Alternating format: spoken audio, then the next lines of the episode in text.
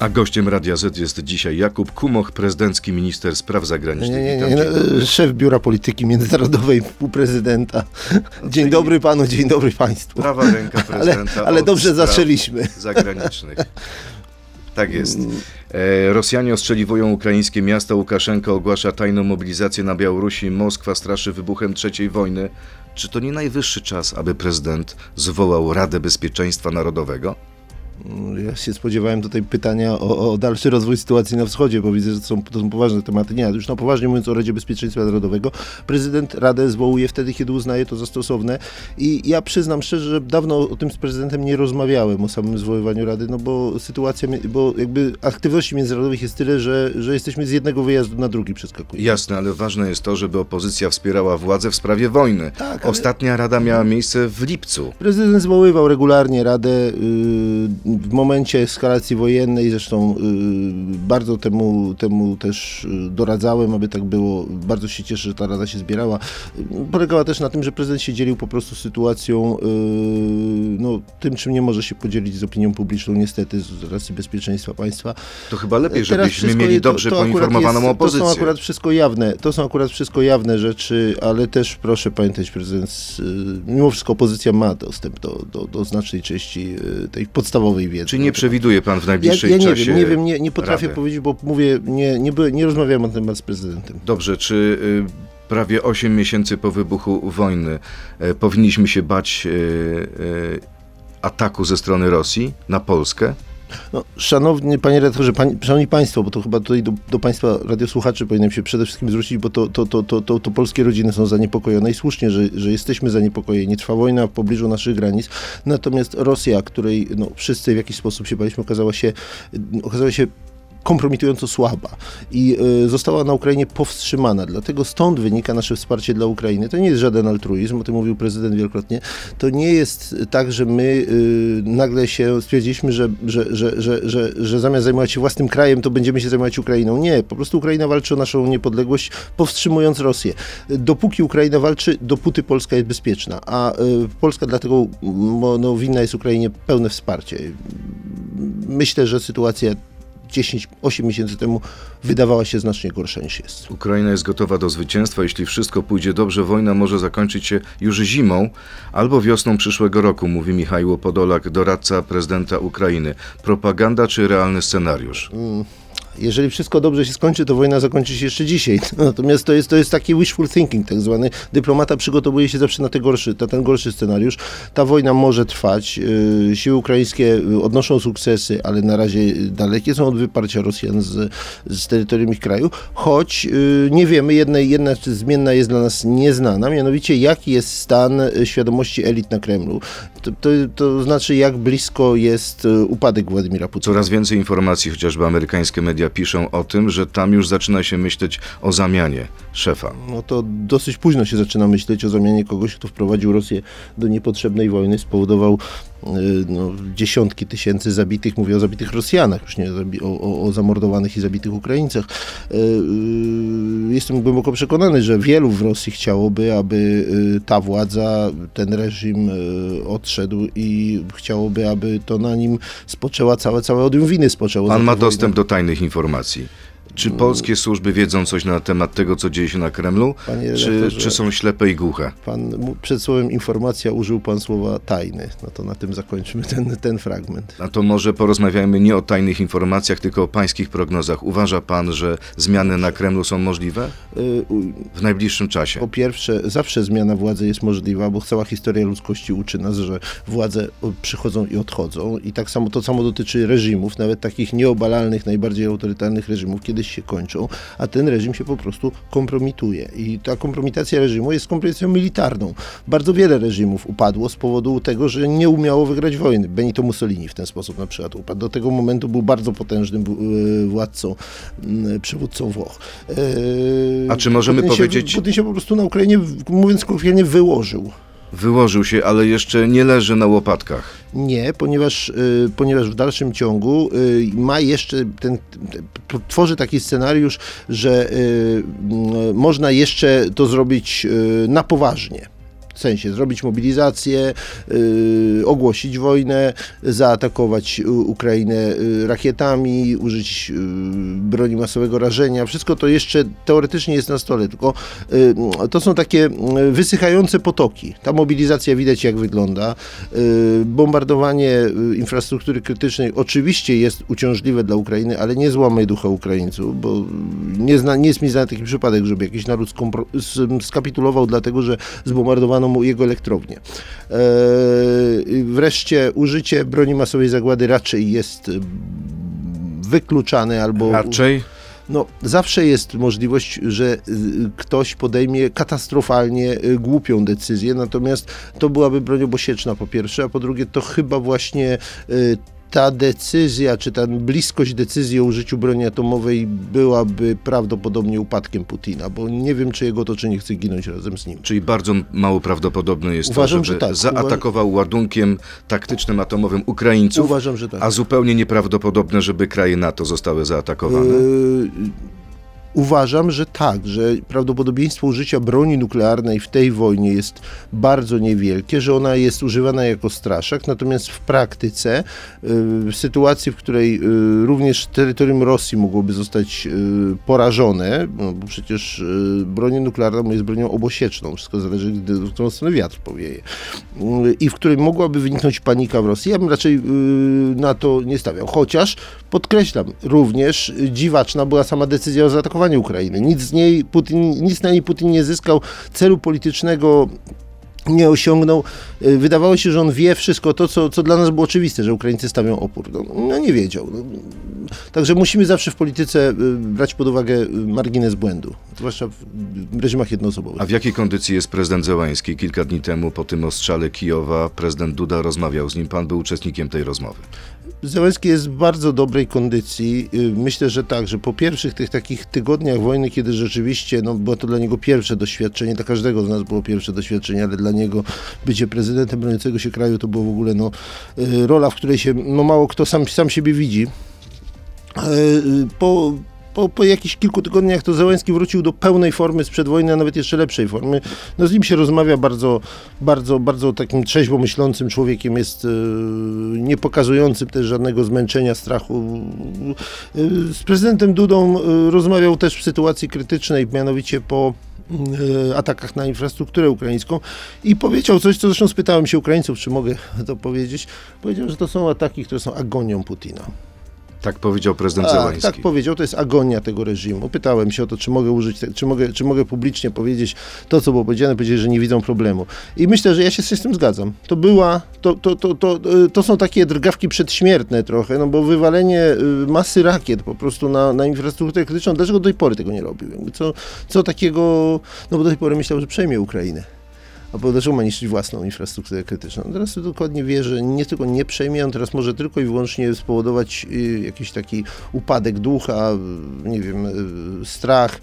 A pogróżkami tymi atomowymi wywołał strach, ale da, daleko, daleko od Ukrainy, może gdzieś na zachodzie. Na Ukrainie to w ogóle nie jest Czyli temat. sytuacja Putina to dzisiaj ostatnie podrygi konającej ostrygi? Cięż... Myślę, że y, y, zdziwię się, jeżeli następne urodziny Putin będzie swoje celebrował jako prezydent Rosji. A teraz krótka piłka, czyli pięć krótkich pytań do naszego gościa dzisiaj, Jakuba Kumocha. Może pan odpowiedzieć tylko tak albo nie. Jest pan gotowy? No, To zaczynamy. W mojej przyszłej książce opiszę kulisy tej wojny, a wtedy ludzie spadną z krzeseł. Tak czy nie? Mm, tak opiszę, niekoniecznie spadną. Intrygi w Pałacu Prezydenckim są większe niż się spodziewałem. Tak czy nie? Nie. O.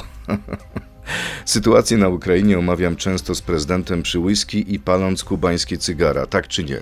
Mm, nie, nie, nie piję z prezydentem whisky. Ale inny alkohol tak. Ale żadnych kubańskich cygar, cygar nie, nie, nie, nie, prezydent nie pali i moim zdaniem nie- bardzo mało pije albo w ogóle nie pije. Andrzej Duda jest surowym, wymagającym szefem. Często mnie krytykuje. Tak czy nie? Jest surowym szefem, e, wymagającym, e, nieczęsto mnie krytykuje. Jarosław Kaczyński jest mądrzejszy w sprawach zagranicznych od prezydenta Dudy. Tak czy nie? Jarosław Kaczyński, myślę, że Tak czy nie? Prosta piłka. Mądrzejszy, jak powiem nie, to będzie, to będzie, że, to będzie, że, jest, że jest głupszy, jak powiem tak, to będzie... Nie, obaj wykazali się bardzo dużą znajomością spraw zagranicznych w czasie, w czasie wojny na Ukrainie. Czyli nie odpowie pan na to pytanie? Tak jak powiedzieć, remis? Są równie Obaj mądrzy. są dobrzy. Wspaniali, Obaj są dobrzy. Nie, mówię, mówię, mówię serio, nie, a to już na serio y, w czasie y, narad poświęconych wojnie Ukrainie Jarosław Kaczyński był tym takim głównym obok premiera partnerem prezydenta i to jego decyzje w dużej mierze zaważyły o, o pomocy Polski dla Ukrainy. To tyle, jeśli chodzi o część radiową naszej rozmowy z Jakubem Kumochem. Zapraszam Państwa do internetu na Radio ZPL, Facebooka i YouTube'a. Tam zapytam o między innymi e, to, czy powinno się atakować cele na terytorium Rosji. Panie ministrze, szef dyplomacji europejskiej Borrell mówi, każdy atak nuklearny Rosji na Ukrainę spowoduje odpowiedź militarną Zachodu, która unicestwi wojska rosyjskie. Ale Macron, prezydent Francji, mówi, że w przypadku użycia przez Rosję ładunków atomowych Francja nie użyje broni atomowej. Kto jest lepszy w te klocki? Kto jest lepszy w dyplomację? Um takie pytanie przypomina mi się Stalina, ile dywizji ma papież, ile dywizji ma Borel. I, i e, łatwo mówić o być radykalnym w swoich sądach, gdy tak naprawdę za tym stoją tylko słowa. Na przykład Borel miał takie dwa występy dosyć nieciekawe na samym początku wojny. O samolotach O pamiętamy. samolotach i o Rzeszowie, mimo że wtedy jeszcze prosiliśmy o to, aby o Rzeszowie nie rozpowiadać. Natomiast e, Czyli Borel zabiega o popularność? Jest, to jest z jednej strony, no, jest taki, ma taki charakter, charakter takiego tro, trochę trybuna w polityce międzynarodowej. E, natomiast, natomiast, natomiast druga rzecz, niestety odwrotnością tego jest prezydent Macron, prezydent Macron y, jest, on ma siłę, on ma siłę, no Francja jest, potę, jest, jest potężną, potę, Ma broń atomową. Ma broń atomową, natomiast... Y, Czy te słowa są ok? Natomiast jak, jak, mam, jak gramy szachy. Nigdy nie używałbym wobec Putina sformułowania nie użyjemy broni atomowej. Czyli prezydent Macron popełnił błąd. Miał prawo milczeć, nie skorzystał. E, myślę, że ja bym się w tej sytuacji Putinowi na pewno nie dał takiego, takiego luksusu sformułowania nie użyje broni atomowej. A co się dzieje, jeśli chodzi o wsparcie dla Rosji i wsparcie dla Zachodu, który wspiera Ukrainę? Czy coś dobrego się dzieje? Mamy ostatnie głosowanie w ONZ, mamy Radę Europy, która e, oświadczyła, że w Rosji rządzi terrorystyczny reżim. No, Parlament Europejski nie chce takiej rezolucji podjąć, ale czy e, ta szala e, się waha tutaj na rzecz Ukrainy, jeśli chodzi o wsparcie międzynarodowe? No, on, oczywiście, że, że tak, ponieważ Rosja przekracza kolejne granice. O ile na przykład dla wielu państw e, pozaeuropejskich samo potępianie wojny, potępianie Rosji za wojnę no, mogą się wstrzymywać, o tyle w moment, kiedy anektowano, czy ogłoszono aneksję granic sąsiada, jest momentem no, zmiany. Proszę spojrzeć, Brazylia na przykład. Brazylia zazwyczaj y, uważa, że Rosja to jest ważny kraj, no, podobnej wielkości, no, tworzą razem, należą do brików razem, są, są częścią brików. Mm, jednak y, aneksja stanu brazylijskiego, zresztą sami tak rozmawialiśmy z, Brazy z Brazylijczykami, a co by było, gdyby wasz stan ktoś zaanektował? Minas Gerais na przykład. I, i, I, to jest jednak taka granica, której no, żadne państwo nie rozumie. No, a Chiny, a Indie? Y, Chiny wydaje mi się, teraz zresztą zwróciłem z konferencji na temat właśnie Chiny, Chiny, Chiny wobec wojny, wojny w, w Rosji, no, wojny na Ukrainie. I wydaje mi się, że, że Chinom trudno jest y, przetrawić to, że z jednej strony no, Putin tuż przed wojną był w Pekinie. No, poparli y, roszczenia Rosji Chińczycy, no, a potem byli świadkami kompromitującej niemocy tejże Rosji. No, y, Chiny nie, nie, nie będzie takiego zwrotu, że Chiny powiedzą nagle, dobrze, Rosjanie już was nie kochamy. No, Indie y, z Rosją mają tyle dziesiątek lat przyjaznych stosunków, że znowu ciężko im te decyzje podjąć. To wróćmy bliżej polskich granic. Na Białorusi wprowadzono reżim operacji antyterrorystycznej po pojawieniu się informacji o planowanych prowokacjach ze strony różnych państw. Tak mówi szef dyplomacji Białorusi. Co to oznacza?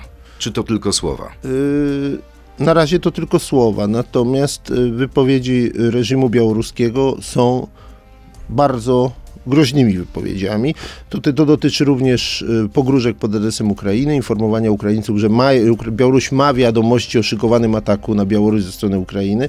No to jest takie, mm, tak pachnie taką atmosferą 39-38 roku, kiedy, kiedy to, yy, kiedy, yy, kiedy wówczas to były Niemcy, oskarżenia o to, że coś jest szykowane przeciwko nam, były tak naprawdę pogróżką, że za chwilę coś wam zrobimy.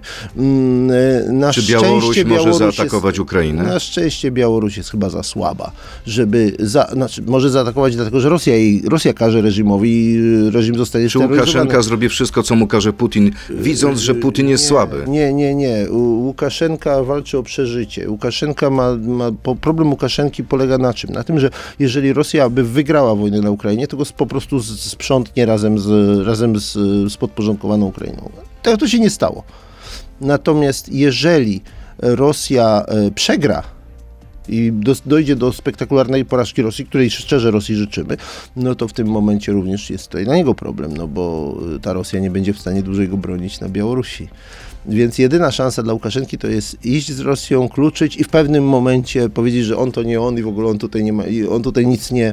nie on tu tylko sprząta. On tu tylko sprząta. Dobrze, ale widzi pan możliwość dzisiaj, y, na przykład w przypadku Polski, polskiej dyplomacji, zagrania na Łukaszenkę na takiej zasadzie, że próbujemy go przeciągnąć na stronę Zachodu? Yy, Łukaszenka, Łukaszenka nie jest osobą wiarygodną i nie jest osobą, do której można mieć jakiekolwiek elementarne zaufanie, które byłoby niezbędne do tego typu działania. Wydaje mi się, że reżim Łukaszenki yy, tak, yy, sam Rosji nie porzuci, bo się tej Rosji koszmarnie boi i do momentu, aż wojna trwa, reżim y, od Rosji, z Rosji nie zrobi nic owszem, będzie szukał jakiś, y, będzie próbował dawać znaki Rosji, że może coś takiego zrobić, że, że kontakty z Polską, z Litwą, ze Stanami Zjednoczonymi, by chciał to mieć.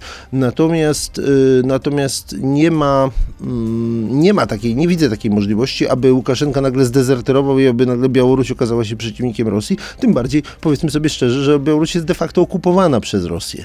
Z maila pana ministra Dworczyka do pana premiera Morawieckiego wynika, że były próby podjęcia gry z dyktatorem. To istotne, zwłaszcza, że zacieśniamy relacje z oficjalnym Mińskiem. Pomoc Łukaszenka wysłał list do Dudy, etc., więc źle, gdyby powstało wrażenie, że całkiem porzucamy wsparcie niezależnych mediów. To o wsparciu Bielsatu. Czy można wrócić y, do tej samej gry? Tylko, że ja nie chciałbym komentować y, czegoś, co jest niepotwierdzone, czegoś, co jest jakąś prowokacją. Nawet jeżeli tutaj ktoś mówi o tych tak zwanych mailach Dworczyka, to też trzeba pamiętać, że każdy tego typu y, dokument może być zawsze, nawet jeżeli taki dokument istniał, może być sfabrykowany, przerobiony 10 razy, więc nie wiem.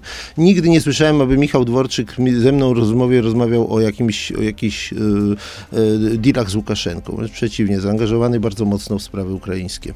Czy zamiana Konrada Szymańskiego na Szymona Szynkowskiego Welsenka to zaostrzenie kursów wobec Brukseli? Mm, tak, mam, rozumiem, powiedzieć mam tak lub nie, tak jak wtedy z tym.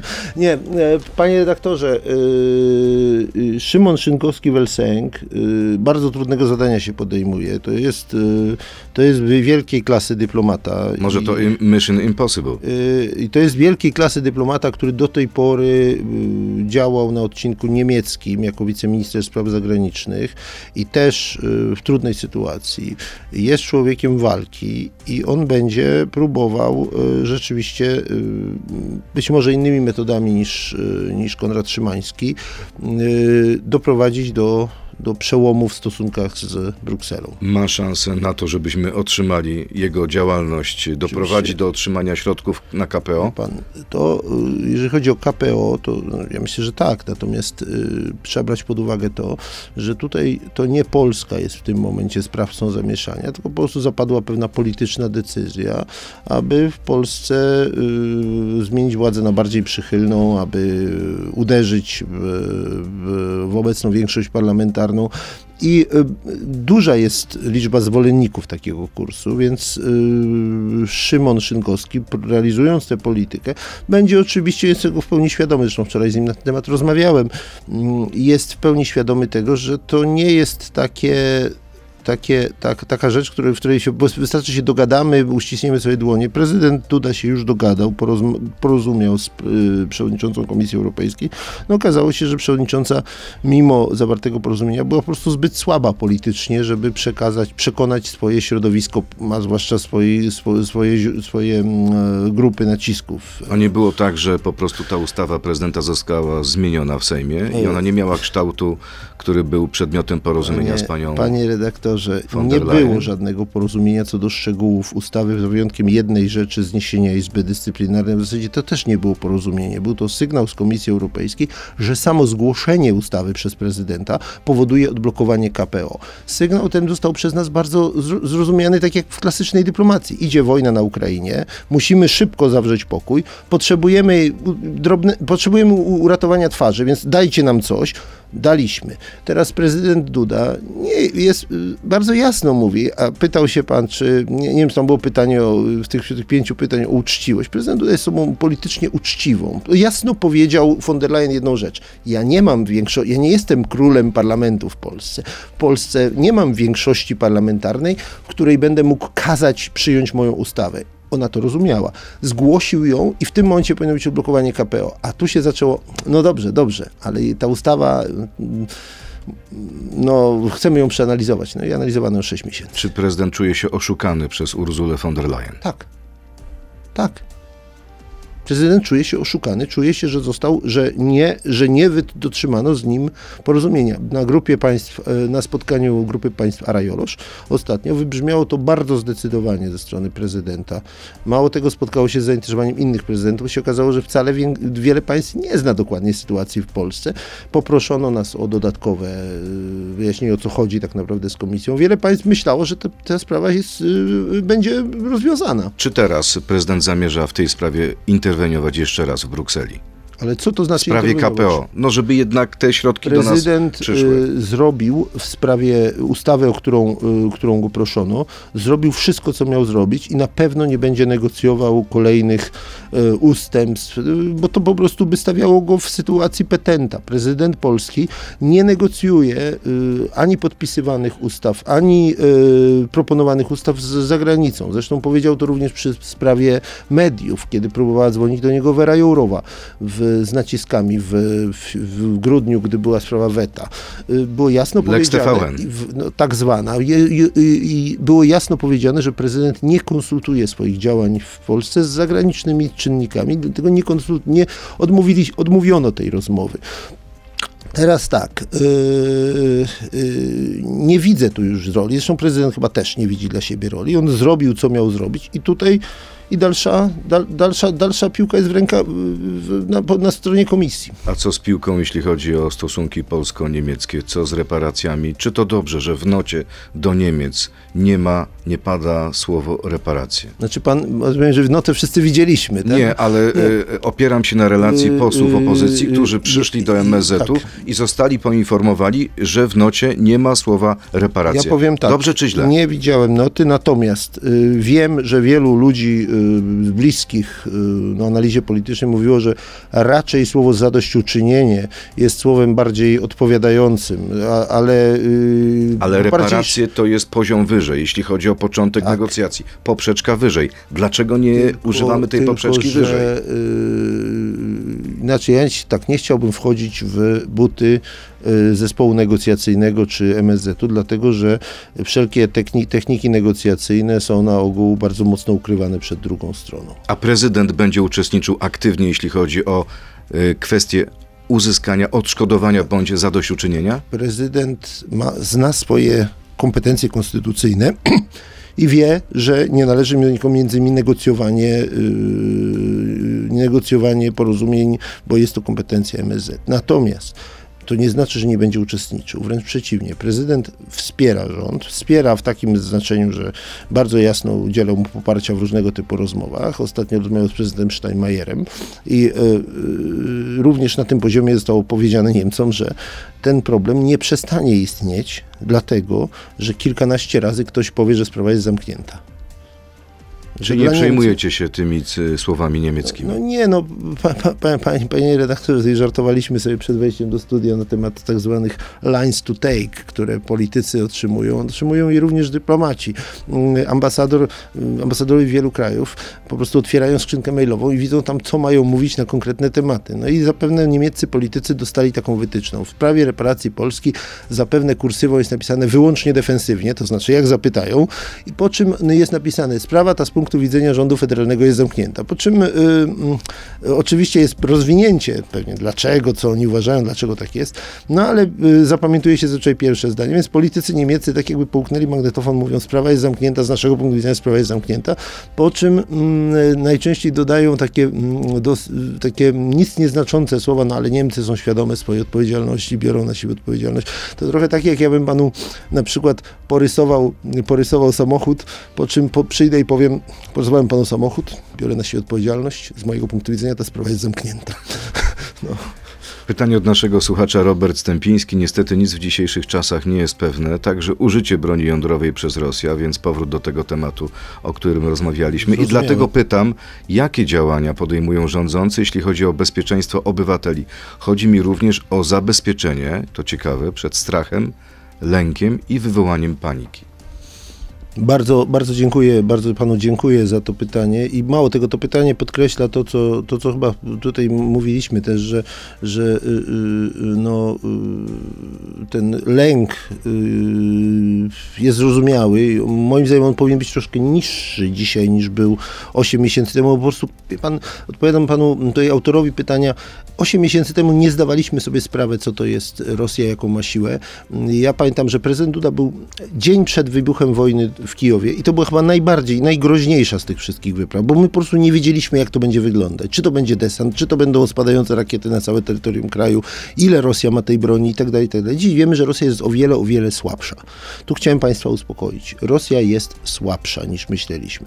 Teraz, y, jeżeli chodzi o y, zabezpieczenie naszego kraju, najważniejsze Najważniejszym takim dla Polski gwarantem bezpieczeństwa jest nasze członkostwo w NATO i nasz sojusz ze Stanami Zjednoczonymi.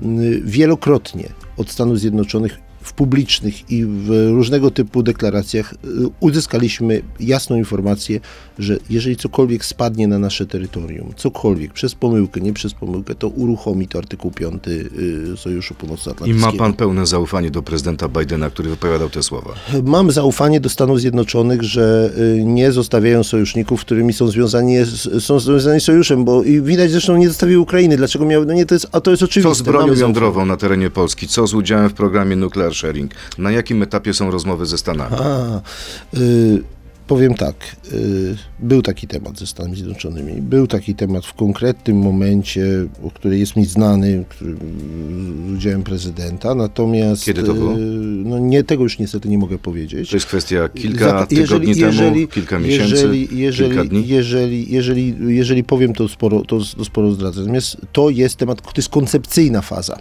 koncepcyjna. Czy Polska jest gotowa, byłaby gotowa, na, nasze, nasze było odpowiedź. Polska byłaby gotowa uczestniczyć w nuclear sharing i chyba do tego nie ma żadnego, żadnego w Polsce większej kontrowersji. Uczestniczy w tym Turcja, Holandia, Włochy. Dlaczego państwa flanki wschodniej mają być gorzej chronione? E, natomiast... Czy zwiększyłoby to bezpieczeństwo Polski, czy wręcz przeciwnie? Tak. Tak, zwiększyłoby bezpieczeństwo. Na czym by to polegało, no, zwiększenie? Na, na, czym, na czym to polega? Przede wszystkim, jeżeli w Polsce są instalacje dla broni, broni nuklearnej, to znaczy, że y, jakiekolwiek, y, lepiej Polski nie straszyć bronią nuklearną, bo ta broń się tu może znaleźć, albo, albo ta broń już tu jest i tak dalej, i tak Ale dalej. guzik ma do tej broni tak, Ameryka. Ależ oczywiście, przecież Polska jest y, stroną traktatu o nierozprzestrzenianiu broni jądrowej i zamierza pozostać stroną traktatu i w związku z tym my się broni jądrowej wyrzekliśmy w pewnym, w pewnym tego słowa znaczeniu. Wyrzekliśmy się posiadania posiadania, produkcji prób e, z bronią, z bronią jądrową, i prawdopodobnie długoterminowo to jest dla nas dobrze. Natomiast jesteśmy, dlatego też jesteśmy członkiem sojuszu, którym broń jądrową ma i jakiś tam y, dostęp do niej. Y, no nie wszyscy tak mieć. uważają, że to jest koniecznie potrzebne, zwłaszcza przy tej władzy. Donald Tusk mówi, że dzisiaj polityczne monstra zarządzają życiem publicznym. No tak. Wolałbym, aby Polska nie miała do dyspozycji broni atomowej, bo z tego mogłoby być coś bardzo złego. Jeżeli wyniknąć. powiemy tak, jeżeli chodzi o obraźliwą część tej wypowiedzi, to tutaj się nie wypowiem, to każdy ma swoją kulturę osobistą, natomiast yy, ja powiem tak, ja uważam, swoje poglądy pewien definiuję jako poglądy propaństwowe i patriotyczne. To znaczy, ja chcę, żeby Polska była bezpieczna, niezależnie od tego, czy rządzi nią ta, to ugrupowanie, czy jakiekolwiek inne. Nigdy nie, nie powiem, że chciał, nie chciałbym, aby zarządów Donalda Tuska, czy kogokolwiek innego Polska nie była bezpieczna, więc jestem zdumiony tą wypowiedzią, bo no, mąż stanu, polityk, jeżeli ma ambicje być mężem stanu, to nigdy nie może sobie pozwolić na coś takiego, aby życzyć źle Polsce, dlatego że rządzą w, nim, w niej y, nią y, przeciwnicy. Ostatnie pytanie, proszę o krótką odpowiedź. Kuba Klus, nasz słuchacz, jeśli dzisiejsza opozycja dojdzie do władzy, to jak y, pan prezydent wyobraża sobie współpracę z rządem opozycyjnym? No, prezydent y, będzie wykonywał swoje obowiązki konstytucyjne, y, jest na pewno gotów konstruktywnie współpracować z rządem, natomiast moje pytanie jest odwrotne. Jak rząd sobie wyobraża współpracę z prezydentem? Bo na razie słyszę zapowiedzi, że wszyscy zostanie, zostaną mm, powsadzani bez, bez wyroków. A wyobraża pan sobie, że prezydent desygnuje Donalda Tuska na przyszłego Jeżeli premiera? będzie taka, jeżeli tak będzie wymaga, wymóg konstytucyjny, jeżeli wygra wybory, to no nie wyobrażam, to, to jak, w jaki sposób, kogo ma... Nie będzie miał wyjścia. No jeżeli, ta, jeżeli Donald Tusk wygra wybory, no to... Czyli to Andrzej Duda prezydent się- nie zablokuje Donalda Ale Tuska. jak może prezydent zgodnie z konstytucją zablokować nominację zwycięskiego premiera? Tylko, że ja nie twierdzę, że, Andrzej, że Donald Tusk wygra wybory. Zacznijmy od tego. Wcale nie jestem tego taki pewien. Myślę, że pewność siebie niejednego zgubiła. Zobaczymy jak będzie. Jakub Kumoch, szef Biura Polityki Międzynarodowej Kancelarii Prezydenta, był gościem Radia Z. Bardzo dziękuję panie ministrze. Dzięki. To był gość Radia Z. Słuchaj codziennie w Radio Z i na player radioz.pl.